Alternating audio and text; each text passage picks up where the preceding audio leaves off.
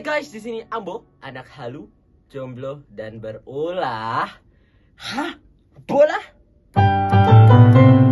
Hai, kis-kis kalian, para tiktokers sekalian. Pastinya kita-kita ini, terutama generasi milenial dan Gen Z ya, tahulah ya, berita yang lagi viral dan hot. Oh, ya gitu konsepnya. Yaitu Citayam Fashion Week.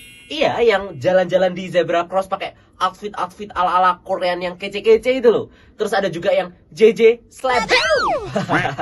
Walaupun Citayam Fashion Week ini udah ditutup ya, yang kemarin diobrak-obrak sama Satpol PP Pemda DKI Jakarta itu. Dan mungkin pembahasanku kali ini udah agak basi. Tapi nggak apa-apa lah, aku mengangkat tema ini karena supaya kita itu bisa ingat nanti di masa depan. Oh, dulu itu loh, pernah ada cerita viral yaitu Citayam Fashion Week. Wede, keren kan ya? Eh, tapi guys, kalian notice gak sih? Gimana sih ceritanya kok bisa Citayam Fashion Week ini bisa seviral sekarang? Hmm. Karena aku pribadi sendiri tuh nggak yang terlalu ngikutin konten-kontennya mereka dari awal. Tahu-taunya tiba-tiba udah viral gitu aja.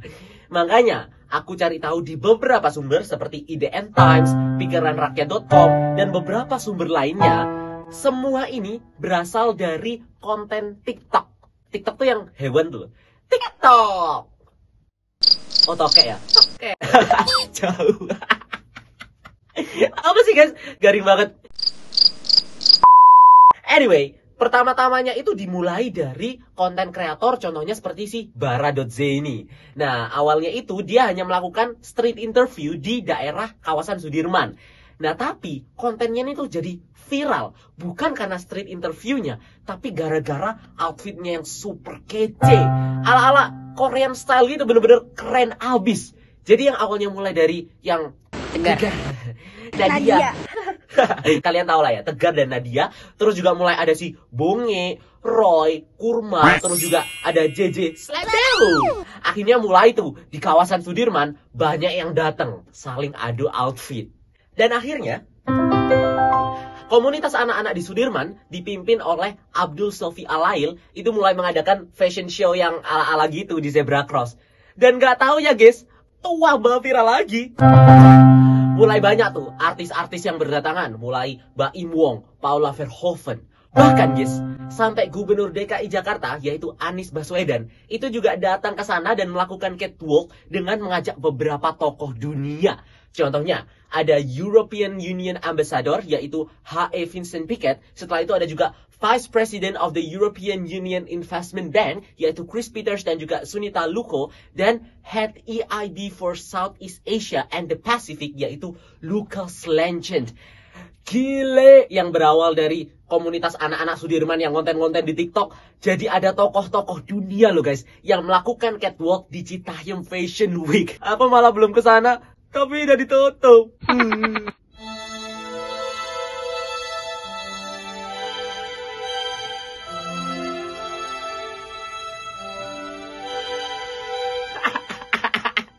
Kasihan deh Ambo.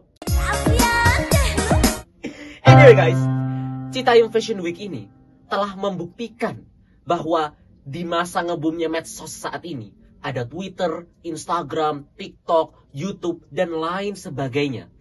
Banyak sekali kesempatan bagi kita itu untuk bisa menjadi terkenal dan viral. Gak peduli kita itu crazy rich atau rakyat jelata, tua atau muda, bahkan aku dan juga kamu yang lagi nonton ini, semua itu mempunyai kesempatan yang sama untuk bisa terkenal dan viral. Contohnya kayak JJ Swebel. To be jujur Li, aku tuh awalnya nggak tahu dia itu siapa dan nggak ngikutin juga. Tapi gara-gara Citayam Fashion Week ini, dia dijadikan duta nongkrong dan bahkan diajak kolaborasi bersama dengan pemerintah kota Jakarta untuk melakukan sosialisasi kebersihan kepada komunitas anak-anak Sudirman yang juga bekerja sama dengan si Bonge ini. Terus juga ada nih, si Roy, yaitu gebetannya JJ Slebeu. Yang dia, gara-gara Citayam Fashion Week ini ya, dikasih beasiswa oleh Menteri Sandiaga Uno. Tapi ditolak guys. Sampai bunyi. Ewan banget kan ya? Buat aku aja bang. Tapi Si Roy yang sudah putus sekolah sejak kelas 3 SMP ini beralasan bahwa dia itu ingin membantu perekonomian keluarganya dengan membuat konten. Karena dia itu percaya bahwa sekolah tinggi-tinggi itu juga gak menjamin bahwa kita bisa dapat pekerjaan maupun fulus. Dan terbukti guys, melansir dari fifa.co.id, penghasilannya si Roy ini itu bisa mencapai 400 ribu hingga 1 juta per sekalinya upload konten TikTok. Weh, memang sih semua orang tuh mempunyai hak untuk mengatur keinginan hidup mereka masing-masing. Tapi sih ya, bagiku, menurutku, sekolah itu gak kalah pentingnya juga. Karena dengan kita menambah ilmu dan meluaskan wawasan kita, itu juga dapat menambah kreativitas kita dan membuka kesempatan kita kepada berbagai macam pekerjaan di masa depan. Wasik! ya, tapi kan semua orang mempunyai pilihannya masing-masing ya. Semua orang berhak untuk mengatur hidupnya masing-masing ya guys ya. Nah, dari Citayam Fashion Week ini, aku itu juga belajar banyak banget. Pertama, Citayam Fashion Week ini telah membuktikan bahwa perubahan, inovasi, kreasi, dan juga ide-ide gila itu nggak harus dibuat oleh selebriti atau crazy rich. Bisa dibuat oleh siapa saja. Bahkan termasuk kita-kita ini, rakyat jelata, itu juga mempunyai kesempatan yang sama besarnya dengan para selebriti untuk menjadi viral dan bisa membuat inovasi dan perubahan. Tapi tentunya viralnya dalam ranah yang positif ya guys ya. Dan bisa bermanfaat bagi generasi penerus. Hal kedua yang aku pelajari dari Citayam Fashion Week adalah yang gampang viralnya, eh gampang juga ngilangnya. Tapi gak apa-apa deh, ditunggu selalu ya karyanya JJ Slebeo and the Gang. Nah, kalau kalian sendiri belajar apa nih dari Citayam Fashion Week? Komen dong di bawah. Jadi gitu guys-guys kalian, Citayam Fashion Week mendadak mendunia. Sampai jumpa di episode selanjutnya. Hai, ciao.